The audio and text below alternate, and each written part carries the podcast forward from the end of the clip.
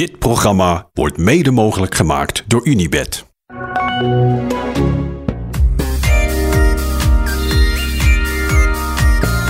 Een hele goede morgen. Goedemorgen. Wakker?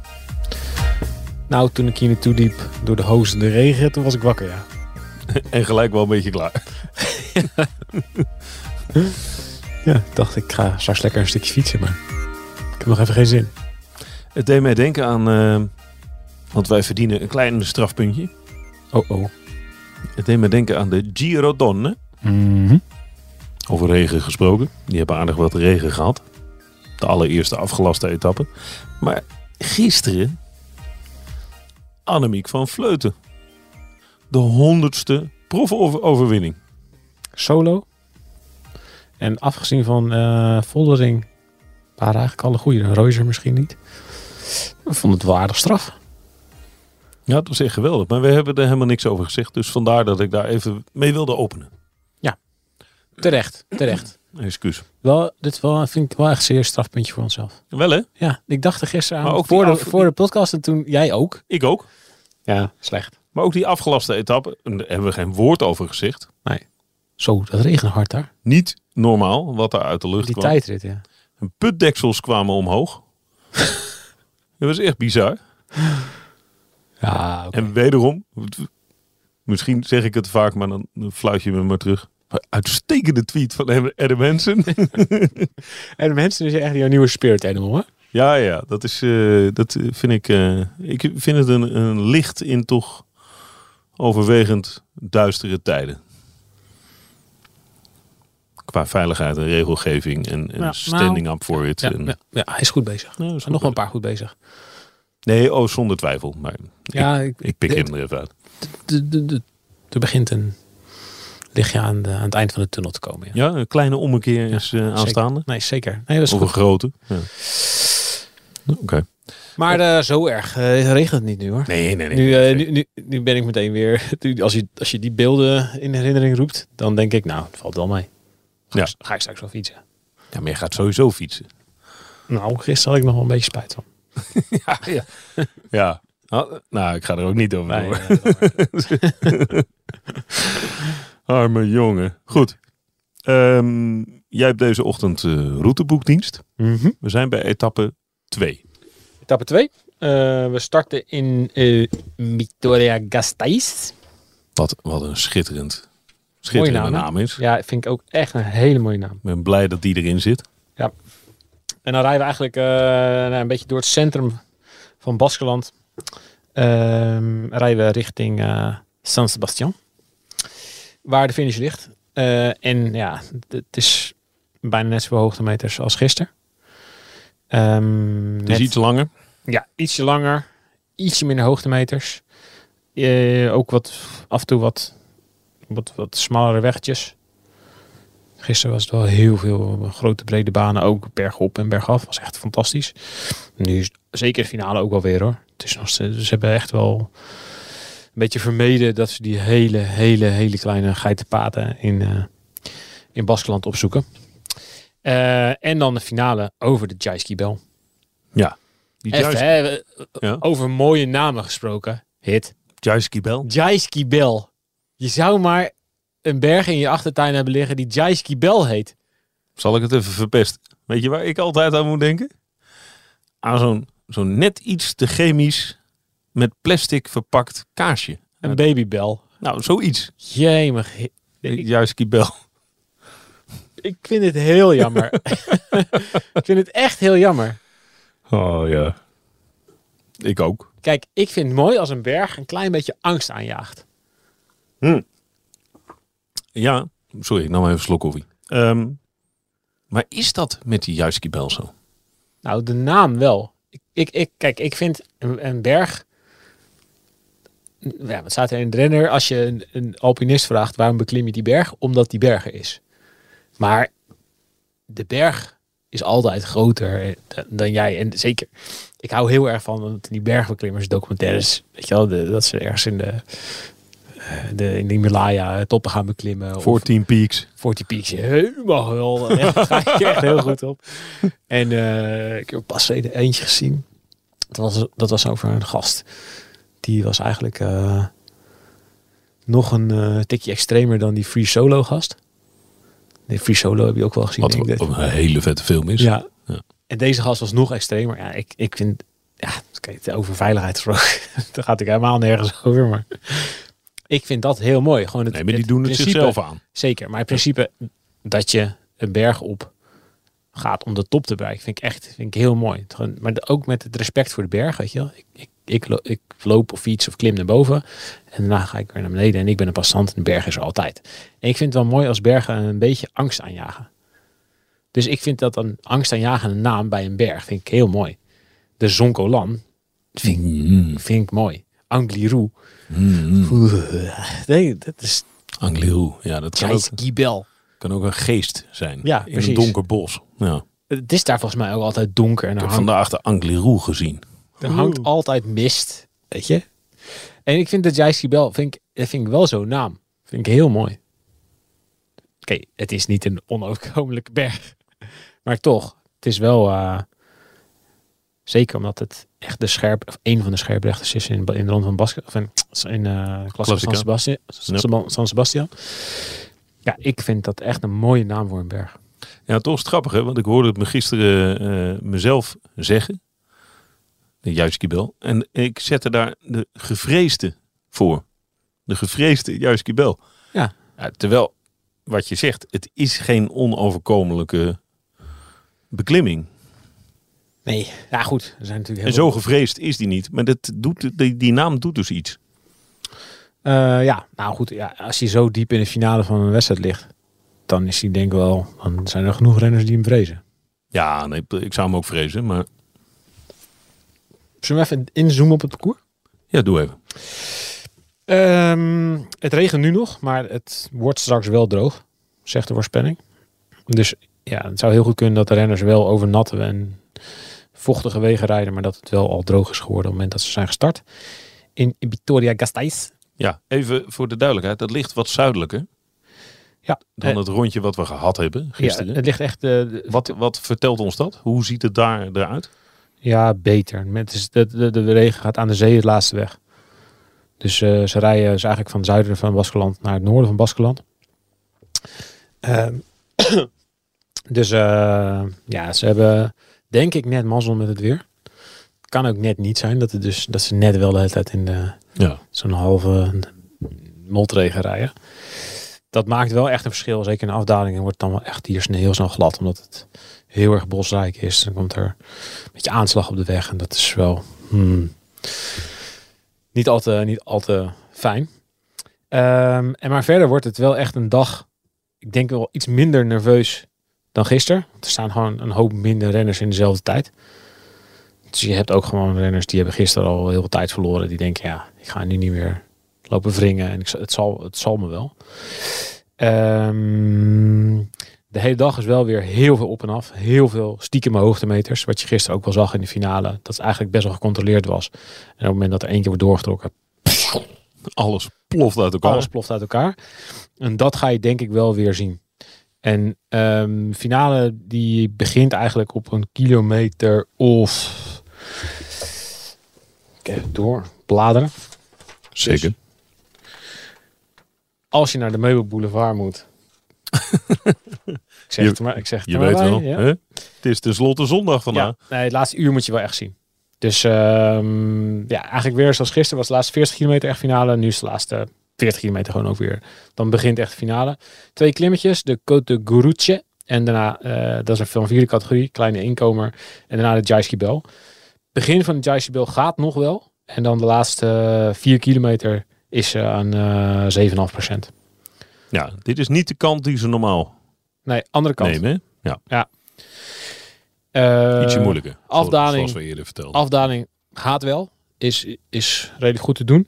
En dan een aantal kilometer eh, vlak door het centrum van San Sebastian heen. Kennen we eigenlijk ook uit de klassieke San Sebastian. Heb je nog zo'n klein hupje op, op 4 kilometer. Perfecte moment om te demereren. en dan finish op de boulevard bij het strand.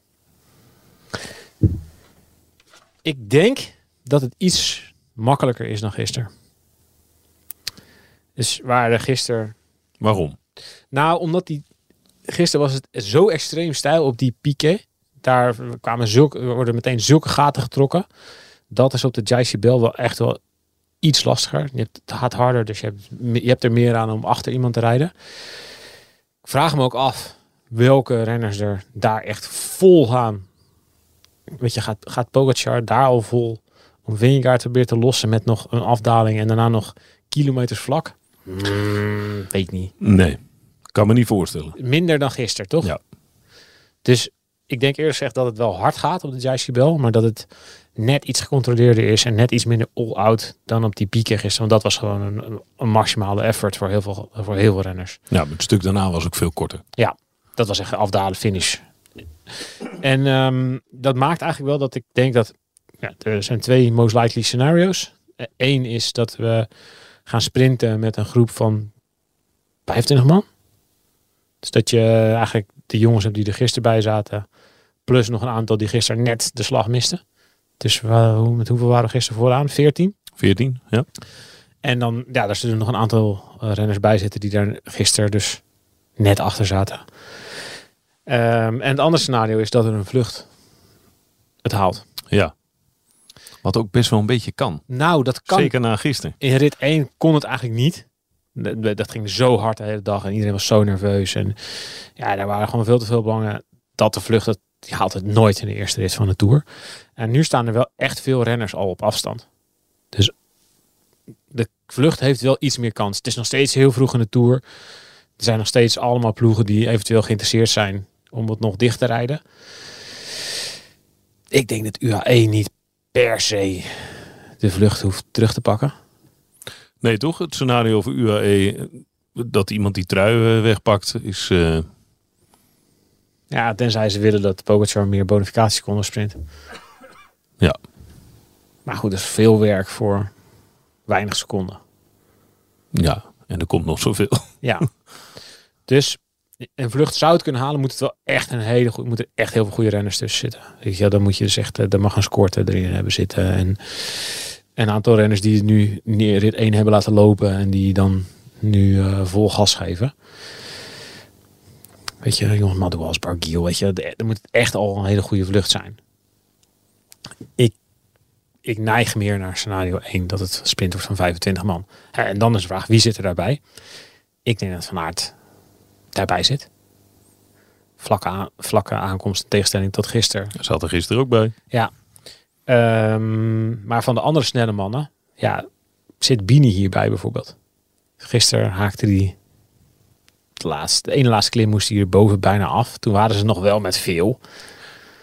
Nou, hij moest eigenlijk vanaf. Hij kwam daar nog wel terug. Ja, maar dat vond ik niet... Het was niet uit luxe, zoals dat altijd gezegd Dat was eigenlijk ook 4 kilometer aan 7,5 procent. Die Vivero. En dat ging nog niet volle bak. En daar moest hij wel 60, 70 laten gaan toen hij eraf ging. Dus... Viel stiekem wel een beetje tegen, hè? Ja, ik had gedacht dat hij beter zou zijn. Meer verwacht, ja. ja. Ook naar aanleiding van Zwitserland. Ja, maar die dus, toch echt wel goed, uh, goed reed. Op basis van gisteren zou ik zeggen dat, dat Germeier niet bij zit. Um, dus dan krijg je een groep met een hoop klassementzenners. Een paar punchers. Pitcock en Alaphilippe zouden dit moeten kunnen. Alaphilippe kwam gisteren wel tekort. Die is volgens mij niet top. Gisteren lag het hem eigenlijk meer. Pitcock was gisteren ook net niet mee. Nee. Maar ja, normaal gesproken zou je zeggen, niet iemand die van aard in staat is te kloppen, toch? Uh, ja, mits er iets vanaf is na, na gisteren. Want gisteren was er ook iets kan. vanaf. Ik vond uh, de, het commentaar van Van der Poel na afloop gisteren best wel opvallend.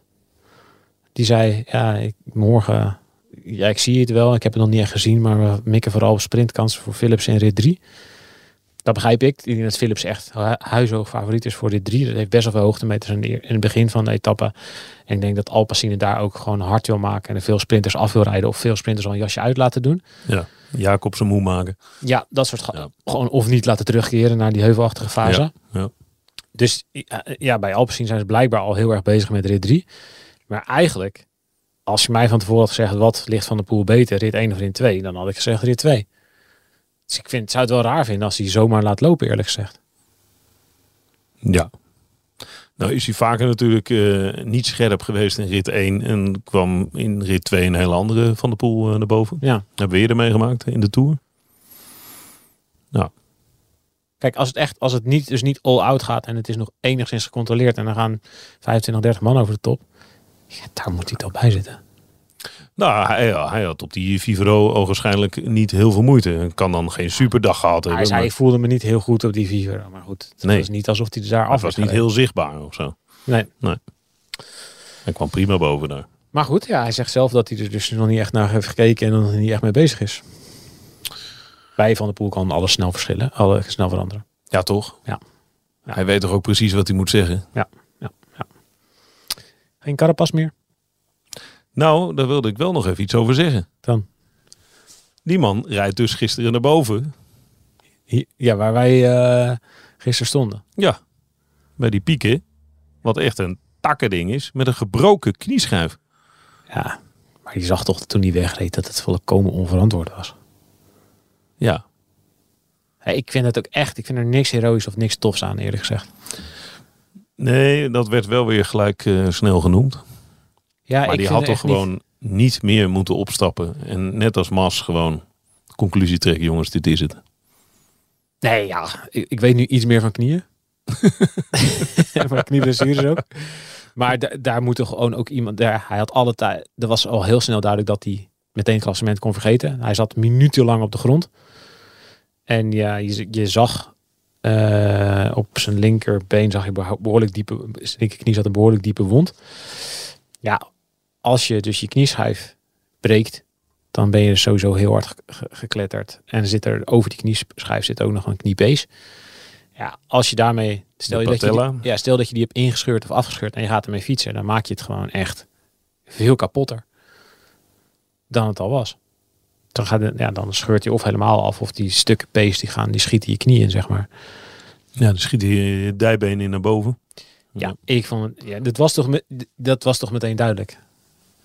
Dat was toch meteen duidelijk dat hij never nooit hier de Tour mee zou kunnen uitrijden. Dat, nou, dat je naar de finish kan komen als het dus nog niet helemaal is opgezwollen. En als het nog niet eh, eh, zoveel pijn doet en dat het helemaal stijf is.